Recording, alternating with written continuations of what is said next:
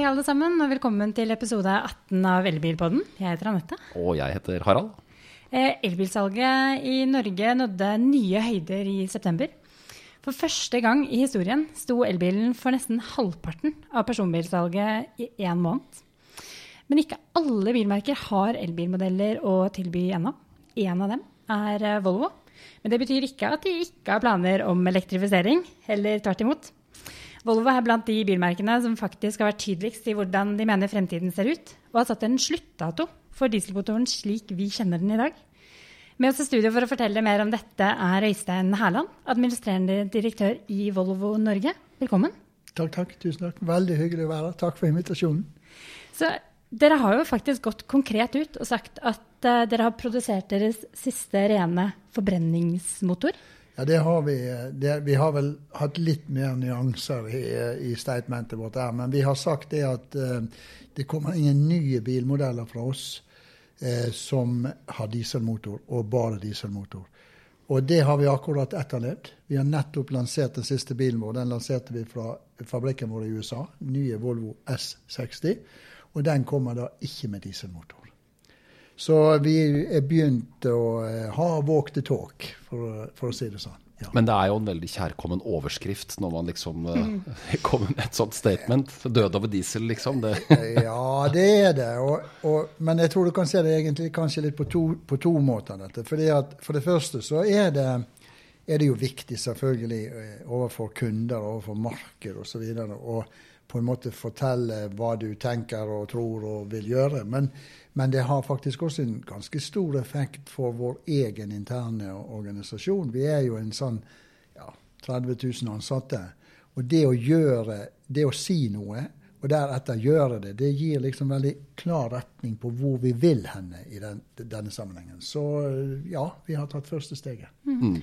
Hvorfor skjer egentlig denne utviklingen? Hvorfor elektrifiseres bilparken? Jeg tror, eh, jeg tror det er jeg tror det er heldigvis, for å si det sånn, én hovedgrunn til at dette skjer. Og det er at det kan alltid være noe dissens blant den, altså verdens bilprodusenter om hvor, hvilken retning vi går, hvor fort ting går osv. Men jeg tror at vi er ganske enige faktisk alle sammen på at verdens fremtidige mobilitet, og spesielt persontransport, det må være en nullutslippstransport mm. hvis vi faktisk skal kunne overleve på denne kloden vår. Mm. Og så er det selvfølgelig er vi konkurrenter, og vi er litt uenige om hvor raskt dette kan gå, og hvilke veier og mellomteknologier og alle disse tingene. Men, men jeg tror jeg kan veldig klart slå fast at den verdens bilprodusenter er enige om at på et tidspunkt frem så er alt det som vi skal levere innenfor persontransport, det er nullutslippstransport. Eller nullutslippsteknologi. Mm. Jeg har, uh, siden Volvo-sjefen i Norge er her, så har jeg, jeg har hatt fire Volvoer. Det er jo hyggelig, det. to 240, en 740 og en 940. Mm. Uh, og er fra en Volvo-familie. Men, men, så kommer det uh, slengende inn her altså merkevaren Volvo som er sterk. Bilbelte på 60-tallet, alt dette her. Sikkerheten. Mm. Og så kommer da modellen Polestar. Hva er dette? Hva er merket Polestar for noe? Det er jo en, en Ja, det fins en lang og en kort forklaring. Forhold oss til den mellomlange forklaringen. Ja. og, og, det er jo at eh, for oss var det egentlig ganske viktig å uh, gjøre Eller utvikle en strategi, men også gjøre et ganske tungt statement og si det at det kommer fra Volvo rene elektriske biler, og vi ønsker å ha de fort i markedet.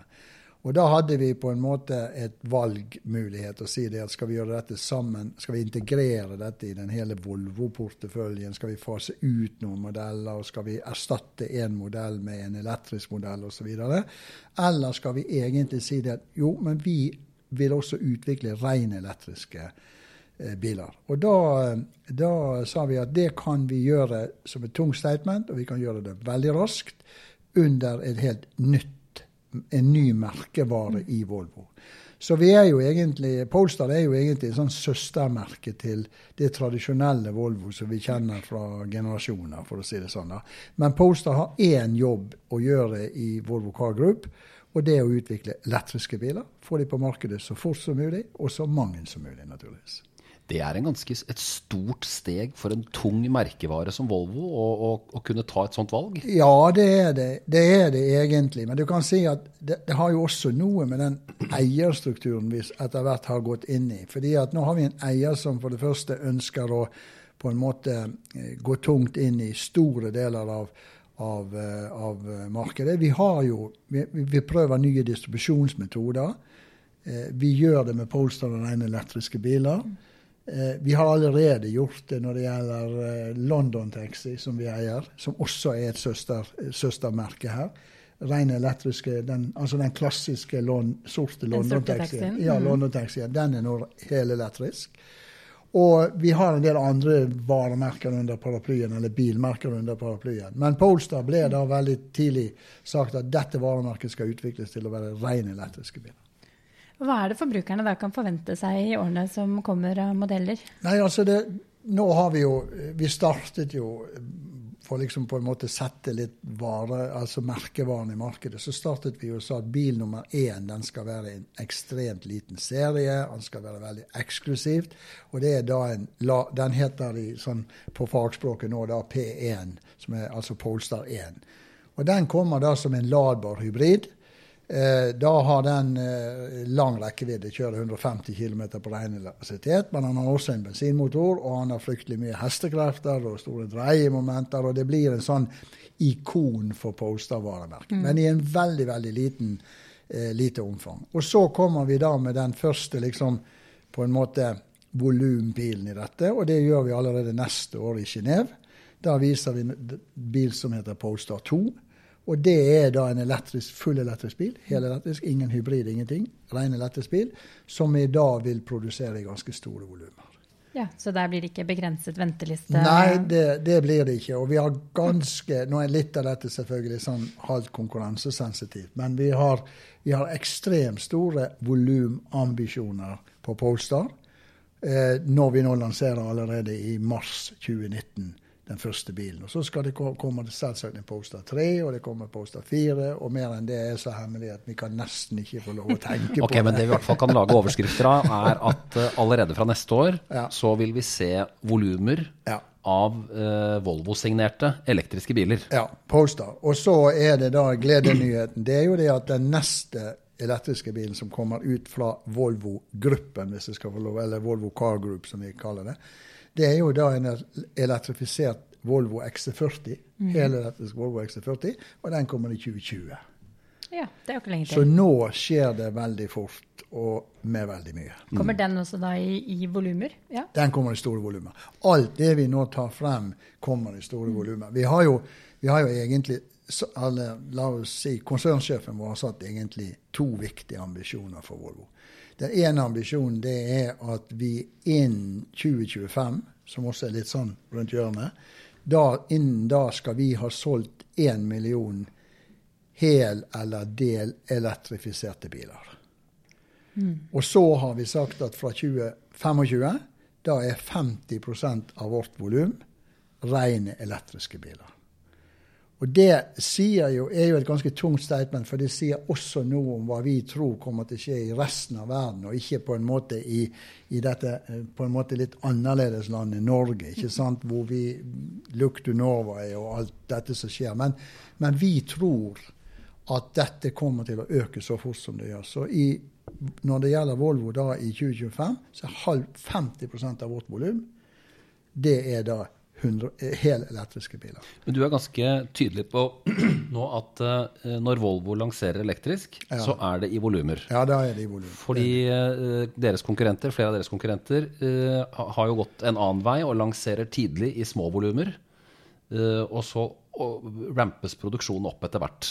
Men ja. Volvo sier at de, når de lanserer en elbil, så vil den være tilgjengelig. Ja, det, det gjør vi. Og det, det, kan vi vel også si selvfølgelig at det har noe med å si at sånn i global målestokk så er jo ikke vi verdens største bilprodusent. Så vi har jo på en måte litt den muligheten for at vi kan snu oss kanskje litt raskere enn andre kan gjøre. Og vi kan på en måte styre strategiene våre uten å tenke så veldig, veldig mye om ja, men hva med det, og hva med det, og hva med det, egentlig? Og, og som sagt, vi tror på en full eller en hel elektrisk fremtid, og da må det gjøres sånn. Det er sånn vi tenker. i alle fall. Men som du sier, en ting er jo lille nisjemarkedet i Norge. Eh, og, og, og, du sier jo at verden kommer jo til å, til å følge etter. Mm. Eh, USA er jo et veldig stort marked for, uh, for Volvo. Eh, blant annet. Hvordan, uh, hvordan er de klare for, uh, for at elbilen skal, skal, ta over i byene der? I noen grad er det jo det, men jeg tror, at, jeg tror at kanskje det markedet som er klarest til å gjøre dette, foruten noen sånn foregangsland i Europa, inklusive oss i Norge, da, så er jo Kina mm. det markedet som beveger seg ekstremt raskt. Og det er veldig naturlig, fordi at med den veksten som de har hatt i biler og bilpopulasjon, altså eh, antall biler, eh, så holder de jo på å dø av, luft, av dårlig luft. Mm. Så Kina kan ikke løse sin fremtidige mobilitet uten å ha en nullutslippsteknologi. Så jeg tror at den største eller I tillegg til at selvfølgelig at det er store kinesiske bilprodusenter, så tror jeg at det kinesiske markedet når det gjelder sterk vekst i i, eh, i, elektriske biler kommer mye, mye raskere enn i USA. Mm. Eh, så har jeg tro på, det er snakket om i noen sammenhenger, at et nytt kontinent som står overfor en sånn mobilitetsreise som Kina har vært igjennom, det er jo India. Mm. Der bor det en milliard mennesker. Ja. Og de kan ikke løse sin mobilitet med diesel- eller bensinbiler. Det går ikke. Det Nå har vi lært fra en tidligere episode ja. av Elbilpodden at Fortum har noen få ladestasjoner i India. Ja, det, er ikke dårlig. Nei, det, jeg, det, er en start. Mm. Men er det plass til dieselmotoren i denne fremtiden? Eller er, er den helt død, eller kommer den til å gjenoppstå? Nei, jeg tror Nei. Altså, her er det jo mange meninger. Men hvis jeg skal dele min mening og vår mening, så er det jo slik at det er jo ingen som kommer til å skrote dieselmotorer. Det finnes en masse motor, dieselmotorer eh, eh, som er bra i, i, mange omfang. Og vi snakker om Euro 6, snart snakker vi om Euro 7 osv. Som egentlig på en måte har en helt annen impact på, på, på eh, luft og miljø enn det en gammel dieselmotor har.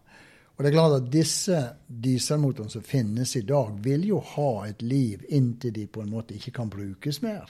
Og jeg tror jo også at deler av den dieselteknologien som vi har i dag, vil ytterligere forbedres og være et bedre bidrag. Eh, ikke et optimalt bidrag, men et bedre bidrag enn det er i dag.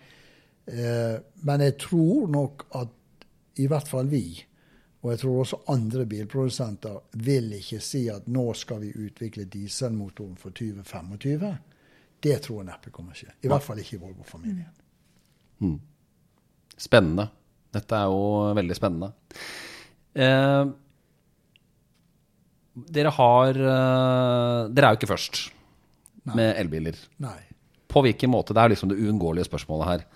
Eh, på hvilken måte har Tesla liksom satt en rakett i rumpa på, på bilbransjen rundt i verden? Eh, nå skal jeg være forsiktig med å på en måte snakke for mye om konkurrenter her osv. Men jeg har reflektert litt over akkurat det spørsmålet du sier. Hva er det som, er det som på en måte eh, gjør Tesla så spesiell? Og hva er det liksom på en måte Kanskje som du sier, shake it up i mm. bransjen litt. Men det tror jeg at jo, de har vært på mange måter en liten disruptor. Og jeg har tenkt mange ganger at hvis Tesla hadde lansert en annen, altså en bil, og ikke en elektrisk bil, så tror jeg at Tesla hadde vært en hero i den globale bilindustrien. For de har gjort mye annerledes. De har gjort det veldig raskt. Og de har på en måte eh, tenkt veldig utradisjonelt i sin distribusjon osv. osv. Men så har de da gjort det som kanskje har vært litt kontroversielt for andre bilprodusenter. De har nemlig gjort det med en elektrisk bil. Og Da har man fått litt av den polariseringen som skjer rundt dette. Nemlig at nei, men det er ikke så bra som det og litt sånn som det der. Men det er klart at Tesla har gjennom måten de har gjort ting på, distribusjonen sin, hastigheten de har gjort dette, har vært en shakeup i bilbransjen. Det er ingen tvil om det. det tvil om. Man kan, like, man kan elske eller hate Tesla, men, men, de har vært med og ristet litt i grunnvollen, mm. egentlig. Fordi at de har gjort ting annerledes enn det kanskje har vært gjort de siste 20-30 årene. Mm. Men hele denne utviklingen her, den, den er jo litt sånn forstyrrende og disruptive, som er liksom det fine buzzordet, på forbrukerne, forbrukerne også.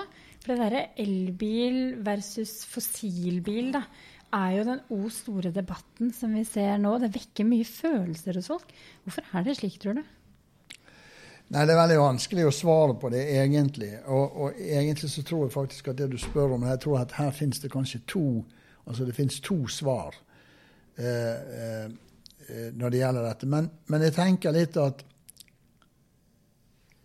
bilbransjen er jo i utgangspunktet en ganske konservativ bransje. Og jeg tror at, eh, at eh, det er veldig Den omstillingen som bilbransjen skal gjennom, ikke bare på bakgrunn av teknologi på, på, på drivstoff eller, eller, bærekraftig drivstoff, men også digitalisering, ny distribusjon. Mm. Eh, Istedenfor store palasser i stål og betong, eh, så skal vi kanskje ta fremtidige kunder med inn i en sånn virtuell virkelighet, hvor man egentlig ser på altså man, man, man man prøver sin bil, og man, man, man, gjør det gjennom en computer og, og HoloLens eller 3D eller hva det måtte være. Og dette er klart at på en bransje som er konservativ og samtidig ikke veldig gammel, for det er han jo ikke, det er fra 60-tallet det liksom ble litt fart i bilbransjen her, så er dette veldig skremmende.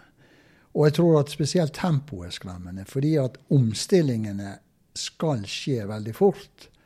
Og så tror man jo kanskje, eller man velger å trøste seg med nei, det kommer til å gå litt seinere, det går ikke så fort osv. Og, og så ser vi, som du sier, at i september måned så er 50 eh, av bilene som er registrert, er elektriske biler. Hvis jeg hadde sagt det til noen av mine kolleger for to år siden, at i, i september 2018 så vil 50% av alle biler som registreres i Norge, være elektriske, så sa Øystein, in your dreams. Men nå er vi her. Mm. Nå er vi her.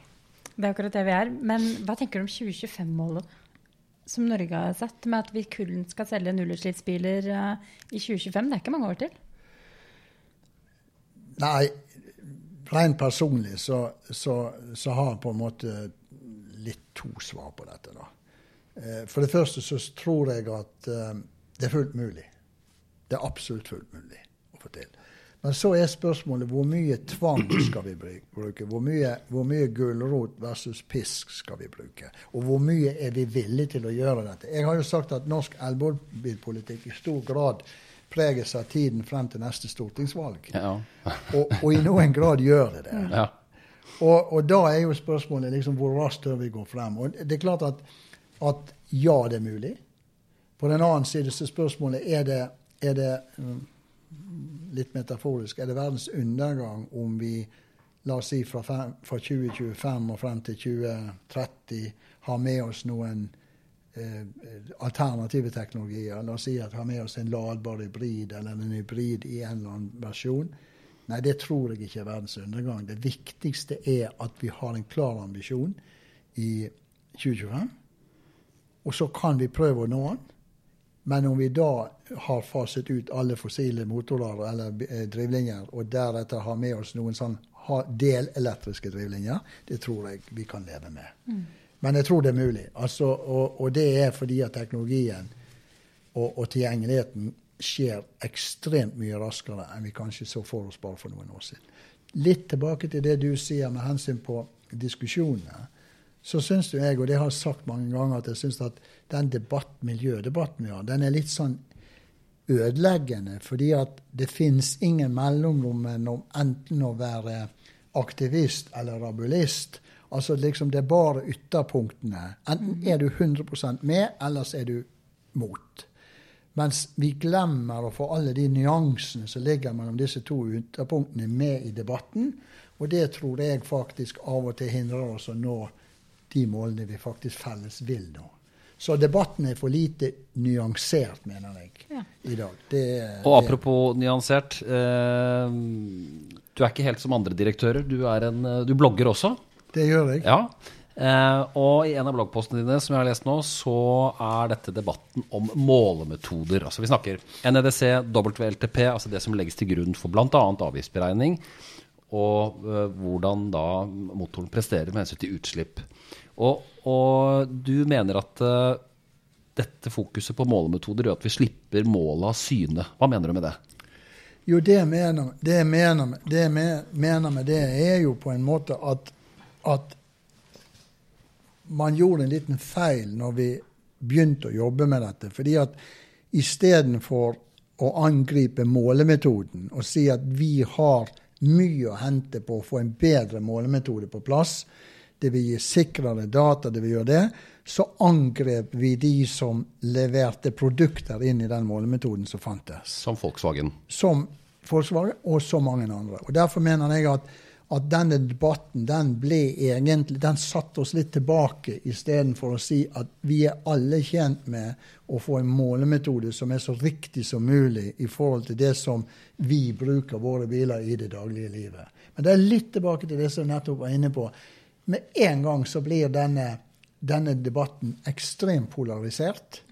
Og så blir det liksom på en måte Fronten står her istedenfor at vi hadde satt oss ned og sagt hvordan kan, vi, hvordan kan vi gjøre dette. Men det er klart at vi ser jo at denne målemetoden i noen grad har, den gamle målemetoden i noen grad ga oss ikke presise nok resultater, kanskje i noen grad villedende resultater. Så ser vi at vi får plass til en ny målemetode. Og se for deg at hele, hele bilindustrien skal innrette seg etter den med relativt få år å, å, tilpasse seg på. Og nå er vi i gang med det. Og nå har vi fått en målemetode som er mye, mye bedre. Og om tre år, fem år, så har vi kanskje enda en ny målemetode. Mm. Men, eh, men, eh, men, eh, debatten rundt den var nok litt ødeleggende, fordi at man, man, man, angrep ikke målemetoden, man angrep de som leverte produkter inn til å bli målt etter den metoden som var gjeldende. Mm. Og det mener jeg var uheldig. Mm. Men jo, man skal jo ikke jukse på, på utslippstall? Nei, men, men, la meg si det at eh, som, som, en aktør i, i, i bilbransjen, så tror ikke jeg jeg vil begynne å kritisere juks eller ikke juks i, i eh, det, det får de som eventuelt har jukset, de får svar for seg selv. Eh, det jeg mener, er at vi hadde en målemetode som bilindustrien ble bedt om å bruke, og den har man brukt. Og de som har gjort det, de har ikke gjort noen ting galt i det hele tatt. Hvis man i tillegg til det på en måte jukset, så får de stå for det. Og det, det som sagt, det vil ikke jeg kommentere. Men, men, eh, men, jeg tror at vi kan likevel si at majoriteten av bilbransjen leverte produkter inn på en målemetode som egentlig var den man da hadde å måle med, og det var den man ble målt etter. Mm. Et litt sånn bil, rent bilspørsmål igjen. Ja. Vi er enige om at 80- eh, og 90-tallet de har vært ganske kjedelige i forhold til hva som har skjedd nå fra 2000 og i hvert fall utover nå de siste årene. Det har vært ganske, det har vært heftig å være direktør igjen i forhold til hva det var for noen år siden.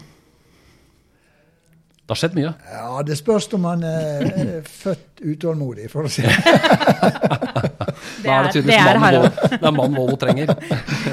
Så, nei, altså, jeg syns jo det at det har vært en utrolig spennende reise. Ja, selvfølgelig krevende. Men det har vært en utrolig spennende reise. Fordi at her skjer ting hele tiden.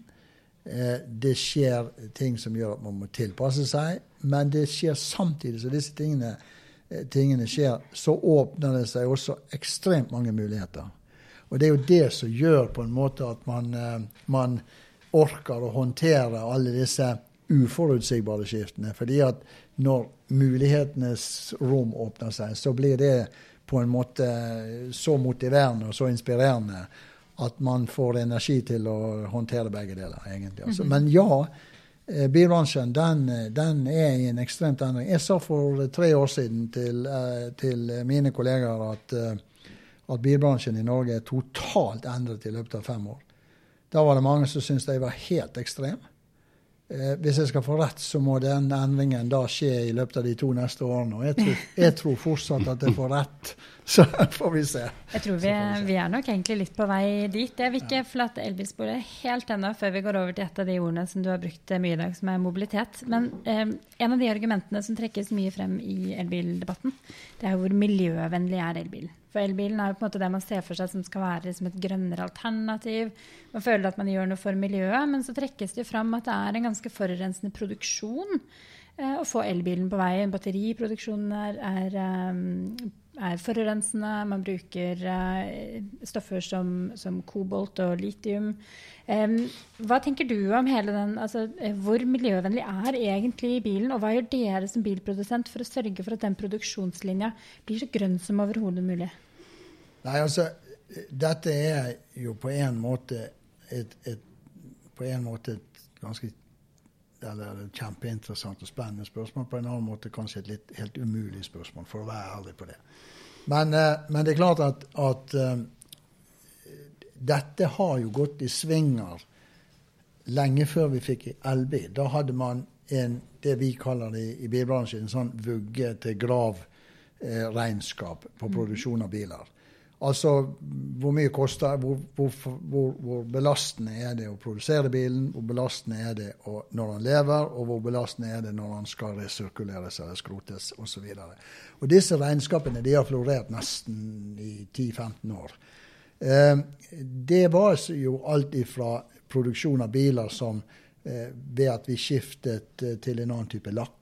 Vi forlot løsemiddellakken, ikke sant. Og, og det til at vi fikk istedenfor å ha kullkraftverk som ga energi til fabrikkene våre, så bygget vi så bygget vi vindmøller eller solceller til å drive fabrikkene våre. Og det er, jo, det er, jo, nettopp for å på en måte påvirke den livsløpsstandarden som sier minst mulig miljøbelastning under produksjon, under bruk og under resirkulering. Og Hvis du ser på Norge, la oss holde oss til det, så ser du i dag at Autoretur, som er bilbransjens returselskap, har jo i dag en, en, en, skrotningsprosess eller en gjenvinningsprosess som er helt i verdensklasse i Norge. Hvor vi klarer å ta vare på og gjenbruke ekstremt mye av de bilene vi skroter i Norge. Langt mer enn man kanskje flest folk tror. Eh, når det gjelder batterier osv., så, videre, så er det klart at når man får den veksten og egentlig kanskje også presset til å å, å gå, gjøre dette teknologiskiftet, så blir det alltid knapphet om ressurser. Og da er det klart at i noen tilfeller så er det nok batteriproduksjon som ikke på en måte er i verdensklasse.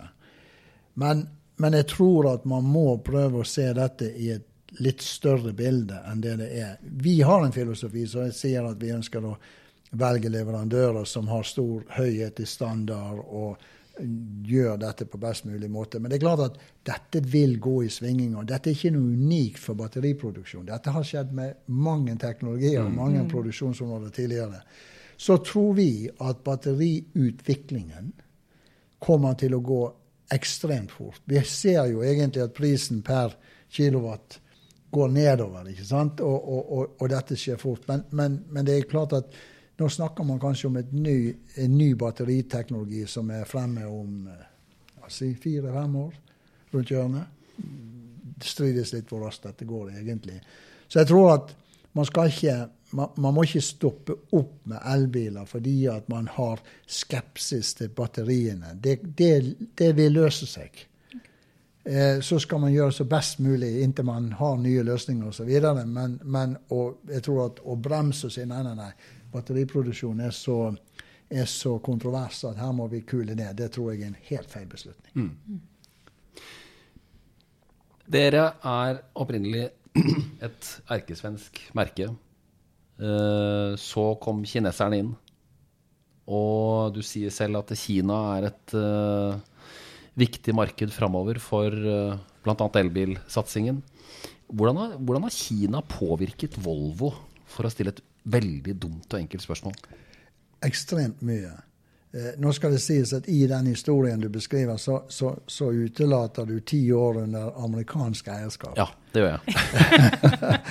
det, det, tror jeg også var en bra reise for Volvo, bare for å mm. understreke det. Jeg tror vi trengte på en måte eh, Svenskene kommer til å hate meg for dette, men vi trengte litt mer eh, internasjonalisering og litt mer globalisering gjennom å det, ha det amerikanske eierskapet. Men det kinesiske eierskapet har vært ekstremt ekstremt bra for Volvo, fordi at vår eier hadde egentlig på For det første så ga det selvfølgelig oss tilgang til det kinesiske markedet. Det er jo en sak. Men vår eier hadde en ganske enkel filosofi, og det var at han så noen verdier i det svenske varemerket som han ikke så i så veldig mange andre bilmerker. Eh, litt av dette med, med eh, skal ikke si den svenske folkesjelen, men dette litt med ren luft, dette med verdier, både eh, si, forretningsverdier, men også menneskelige verdier osv. Så, videre. så eh, han og de bestemte seg jo ganske raskt for at dette skal vi utvikle. Vi skal ikke gjøre dette til noe helt annet enn det det er. Vi skal tvert imot gå litt tilbake til røttene våre, for å si det sånn. Og, eh, og det har vi til gangs gjort, mener vi. Og det ser man vel også litt på den utviklingen som har vært med Volvo. Det har vært et helt uavbrutt og stor, tung satsing på både miljø og selvfølgelig også på sikkerhet, som en av hjørnesteinene i, i Volvos varemerker. Og jeg kan si det at, at det er litt morsomt, fordi at der i verden hvor dette var egentlig kanskje det største kontroverset, det var jo i Sverige, selvfølgelig. mm. sant? Skal en av liksom eh, hjørnesteinsbedrifter eh, osv. i det svenske samfunnet skal det få kinesiske eiere. Det var kontrovers nok at de fikk amerikanske eiere, men de fikk kinesiske eiere. Jeg tror at i dag så elsker eh, Medelsvensson elsker vår eh, kinesiske eier. Det har vært en veldig spennende reise. Jeg har vært med i alle disse tre fasene, mm. så jeg kan sammenligne litt. Jeg tror de har vært verdifulle alle, men vi har hatt en ekstremt bra utvikling og bra reise med det med det, med det kinesiske eierskapet. Og så har vi tilgang til verdens største bilmarked, som er Kina. Og det er viktig for oss. Mm. Men eie bil, Anette? Ja, det har jeg hørt deg snakke om før, Øystein. At uh, du tror ikke vi kommer til å eie vår egen bil nødvendigvis i, i fremtiden. Uh, du har jo nevnt ordet tidligere i dag også, som er liksom bilbransjens store ord. Det er mobilitet. Ja. ja, nei, altså Vi har jo sagt at Og nå blir dette kanskje litt lite norsk og mer globalt. Men vi, vi har jo sagt at med de megatrender som vi ser i verden i dag, eh, bl.a.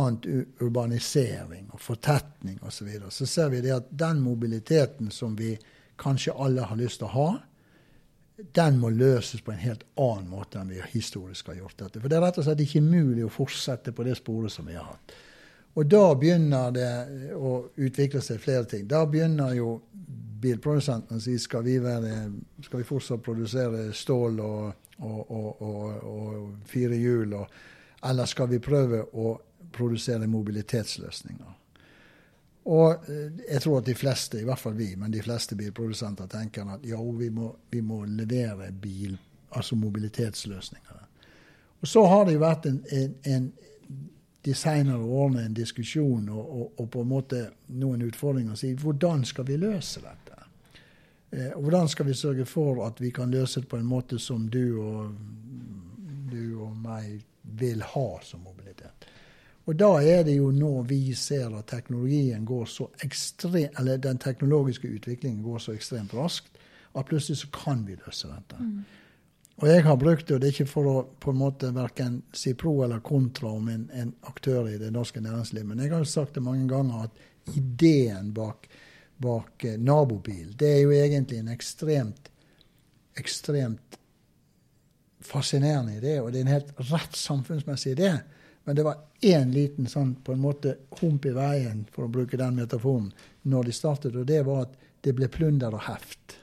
Det var vanskelig å levere den nøkkelen. Hvordan skulle det være? Hvordan skulle vi betale hverandre? Osv. osv. Det vi ser i dag, er jo det at når teknologien nå utvikles parallelt med dette, så kommer ikke du og meg til å dele bil ved hjelp av at vi skal levere nøkkelen til hverandre. Nei, jeg sender deg en SMS eller en melding på min smarttelefon til din smarttelefon, og så bruker du din smarttelefon til, låse, til å, å, å, styre min bil.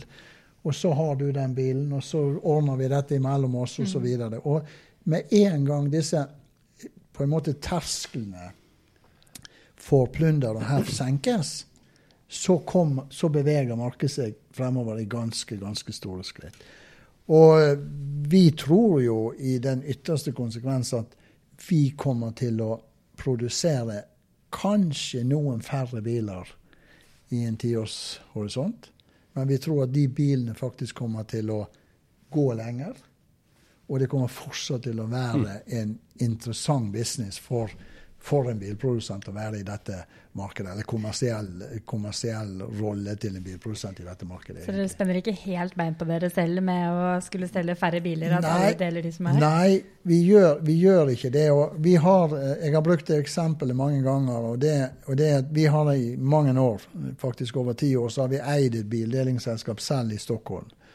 Og eh, Det heter Sunfleet. Og det har vært en, en, en eh, til tider nokså mye stahet på hva vi egentlig har drevet med. Fordi at, at uh, det har ikke vært veldig mange kunder, og det har ikke vært uh, veldig mange det har ikke vært mange kroner igjen på bunnlinjen å rope hurra for heller. Og så skjedde det noe for tre år siden i det selskapet som gjør at plutselig så fikk vi en ekstremt stor kundetilstrømning. Og i tillegg til det så ble det ganske hyggelige tall på bunnlinjen av det selskapet. Og det var når vi flyttet kundeinterfacet over på en smartphone. Ja. Mm. Og, og, det er egentlig på en måte enkelt. Og jeg har også mange ganger sagt det at hvis vi tenker oss litt tilbake igjen når vi kjøpte en mobiltelefon, så var esken så stor som dette. Og det var jo ikke fordi at telefonen var så stor, men det var fordi det var så mye brukermanualer. Og så kjøper vi denne telefonen, så er det ingen brukermanual. Og så kan vi liksom forlede oss til å tro at nei, det er fordi vi er blitt så mye med supersmart i hodet at det ikke trenger bruk, eh, brukermanual. Men det er jo ikke det som har skjedd. Det som har skjedd, er at brukerinterfacet er blitt intuitivt. Og det er det vi ser i mobiliteten når vi ser på bildeling og vi ser på andre mobilitetstjenester, at når bruken av de er ekstremt enkle, og i tillegg til det er intuitive, mm. så går markedet sånn som dette. Ja. Vi er jo vant til å låne trillebår og tilhengere av hverandre. Ja. ja. Leie leilighet på Airbnb ja. og delingsøkonomien er jo noe som er kommet litt for å bli. Ja. Jo, men tenk deg egentlig det hvor enkelt det er å kjøre rundt med en liten og lettest bil i Oslo, hvis du må kjøre bil i Oslo da. Ikke sant? Og så skal du gjerne, skal du gjerne på fjellet, eller hva det måtte være. Og da skal du kjøre en elektrisk SUV. Det skal være god plass, du skal ha firehjulstrekk, du skal virkelig kunne på en måte komme deg frem. Men samtidig så kan det jo godt hende at du skal en Langviken til Paris. Og hvis dette er i mai, så skulle du gjerne ha en kabriolet. Og kanskje vi nå ser for oss denne formen for det at du behøver ikke eie bilen din. Du kan bare kjøpe mobilitet hos en bilprodusent, så har du akkurat den bilen du ønsker deg der og da når, du, når, du, når, når, behovet er Det er en veldig fascinerende tanke å kunne uh, gå til Volvo og kjøpe mobilitet. Mm. Tror du det? Ja, det tror jeg. Og jeg tror det kommer mye mye snarere enn vi kanskje kan, kanskje kan forestille oss. Og ja, jeg har, jeg har, lyst til å bare helt kort nevne også at det ser vi litt på samfunnsutviklingen. For det at dere hører på dialekten, jeg har fortsatt noen røtter tilbake igjen på Vestlandet. Og jeg har en liten leilighet i Bergen. Og i den leiligheten så er det parkeringsplass til 40% av de som bor der. 60% av de som bor i det komplekset som, som, som, som vi har en leilighet til, der er det ikke parkeringsplass. Det finnes ingen parkeringshus i nærheten. Du kan ikke parkere i, ikke parkere i gaten. Og det er helt enkelt umulig å bo i det komplekset og eie en bil for 60% av de som er der. Og da er det klart at de har også behov for mobilitet. Og så elsker jo bergenserne de elsker jo Bybanen, så de kan jo gå til den. Men, men, men, for alle andre som har litt mer behov enn bare å reise med Bybanen, de må løse sin mobilitet på annen måte. For Bybanen går ikke til Trengereid? Nei, det gjør den ikke. Og, den, og det, kommer, det, kommer, bilprodusentene til å ha en sterk rolle i når det gjelder hvordan man skal løse det. Mm. Tror jeg. Men det er jo litt interessant også at for de som kanskje sitter igjen og skal eie en bil, så skal vi jo heller ikke eie den. Dere har også begynt å leke litt med andre eierskapsformer. Altså, leasing er vi jo kjent med som er en type langtidsleie. Men så har dere også introdusert et abonnement. Hvordan skiller det seg fra leasing? Er det en gimmick, eller er det, er det en, en, måte å eie bil på i fremtiden? For det første så er det mitt yndlingstema du spør så bra. Da blir vi en time til. Ja, ja, det er det. Men, eh, nei, men jeg, skal, jeg skal si veldig enkelt hvordan det, hvordan det er. Fordi at hvis, du, hvis vi ser på oss selv så beveger vi vår, en stor del av, av, av uh, våre kommersielle gjøremål. De beveger vi inn på nettet, ikke sant? Vi bestiller vår mat der, vi bestiller våre klær der, vi bestiller våre reiser der osv. Og, og Norge er jo et av de markedene i verden hvor denne endringen skjer ekstremt raskt. ikke sant? Eh, til og med kvinner kjøper sko på nett. ikke sant? Til og med. Til og med. til og med. Ja, men, eh, nei, men positivt. Jeg bare sier vi endrer våre, våre kommersielle vaner inn i nettet. Og så kan man jo da spørre hvor ligger den grensen når det er, hvor mye økonomiske forpliktelser er vi villige til å bevege inn i nettet. Og det er klart at Jeg tror fortsatt at det er lenge igjen til vi kjøper hus på nett. Det er kanskje også en stund til at vi vil forplikte oss til å kjøpe en bil til 500 000, 400 000, 600 000 på nett. Det er- store økonomiske forpliktelser. Men samtidig så vet vi at store deler av kundene våre ønsker å gjøre sin deal på nett. Og da er det jo mye enklere å gå inn og abonnere på en bil. 4000-6000 kroner måneden. Det er forpliktelsen din. Du abonnerer på du får bilen, du bruker den som det er din egen. Alle kostnader og alle utgifter er inkludert. Og når du ikke ønsker å abonnere den lenger, så sier du vel opp abonnementet som du gjør på En virksomhetsavis. hvilken som helst avis. Så, Hvilken som helst avis. så jeg kan abonnere på bilen for sommerferien f.eks. når jeg skal Ja, på på ferie? Ja, og det som skjer, er jo at terskelen din for å gjøre dette, den er ekstremt lav. For den økonomiske forpliktelsen du gjør på dette abonnementet, er så mye lavere. Det er klart at jeg tror jo innerst inne, min overbevisning er jo at vi også kommer til å kjøpe biler på nett. Men, men vi kommer til å abonnere på biler på nett mange, mange år før vi kommer til å liksom gjøre hele bilhandelen på nett. Og så tror jo jeg at det blir færre og færre bilhandler. Det blir mer og mer eh, abonnement, og det blir mer bildeling og alle disse tingene her. Men, men for meg og for oss ligger i dette med Kerber Volvo, så ligger det egentlig at terskelen for å levere en tjeneste som kunden vil ha, den er ekstremt mye lavere enn å kjøpe eller lease en bil på nett. Utrolig hva tek teknologien muliggjør. Spennende. Veldig spennende. Eh, og så skal vi raskt innom eh, teknologi på inni bilen også. Ja. Eh, når tror du vi kjører Oslo-Kristiansand eh, autonomt uten å trenge å følge med noe særlig? Nei, det tror jeg kommer Hvis myndighetene våre gjør det man har lovet at vi skal gjøre, eller de skal gjøre, eh, så kan det påvirkes av politiske skifter osv. Men hvis de gjør det, så tror jeg at eh, eh, vi kan gjøre det Vi kan kjøre autonomt allerede i løpet av et par år. 2020-2021, ja, da tror jeg det er mulig. Jeg har beskrevet følgende scenario. Og det er at jeg sitter på kontoret på eh, Fornebu og skal til Trondheim. Og da kjører jeg eh, fredag ettermiddag så kjører jeg inn, så legger jeg meg på E6. Og når jeg da kommer til la oss si til eh, Skedsmo, så får jeg beskjed om at nå kan du kjøre autonomt. Og da kobler jeg inn bilens funksjoner. Eh, så kjører bilen autonomt. Jeg ser på film eller slapper av eller prater med de jeg reiser sammen med, eller hva det måtte være. Og så kjører jeg autonomt, og så kommer jeg til la oss si til Dombås. Og så får de melding opp i instrumentpanelet nå er det ikke lenger tillatt å kjøre autonomt, nå må du overta selv. Og hvis jeg da neglisjerer det, så kjører bilen til siden og stopper av seg selv. Dette er to til tre år frem. Under forutsetning av myndighetene til eller legger til rette for den lovreguleringen som må skje på dette. Så må jeg si at dette med scenarioet at Oslo er full, eller hvilken som helst by i Norge, men Oslo er full av, byer, av biler eh, uten fører bak rattet, og vi sitter i baksetet når vi har vært på fest og skal kjøres hjem, det ligger betydelig lenger frem i tid. Betydelig lenger frem i tid. Og det er bl.a. dette med også at det er ikke bare de autonome bilene som skal løse dette, men de skal blandes med ikke-autonome eller analoge mennesker. Og det er en betydelig større utfordring. Du har jo blogget bl.a. om Internet on Things. Ja, ja, det- og, og en del av bilene er jo Internet on Things, men, det, det rett. men ikke alle. Nei. Dette har vært veldig spennende, Anette. Jeg føler at vi kunne godt ha sittet her en time til, men det tror jeg kanskje ikke vi skal gjøre. Men siste spørsmål. Eh, Øystein, er du klar for å dele din bil med noen andre? Ja, Ja. Det, det er jeg nok. Det er jeg nok.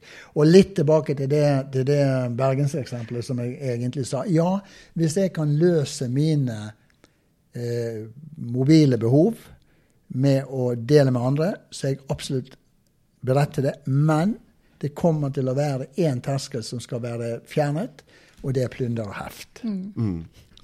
Da, tar jeg jo, da leier jeg den neste helg. Jeg tror det, var alt vi, det er alt vi rakk for i dag, Harald. Ja, det er det. Og husk at du kan abonnere på Elbilpodden på iTunes og Soundcloud. Eh, Det er bare å søke opp Elbilpodden.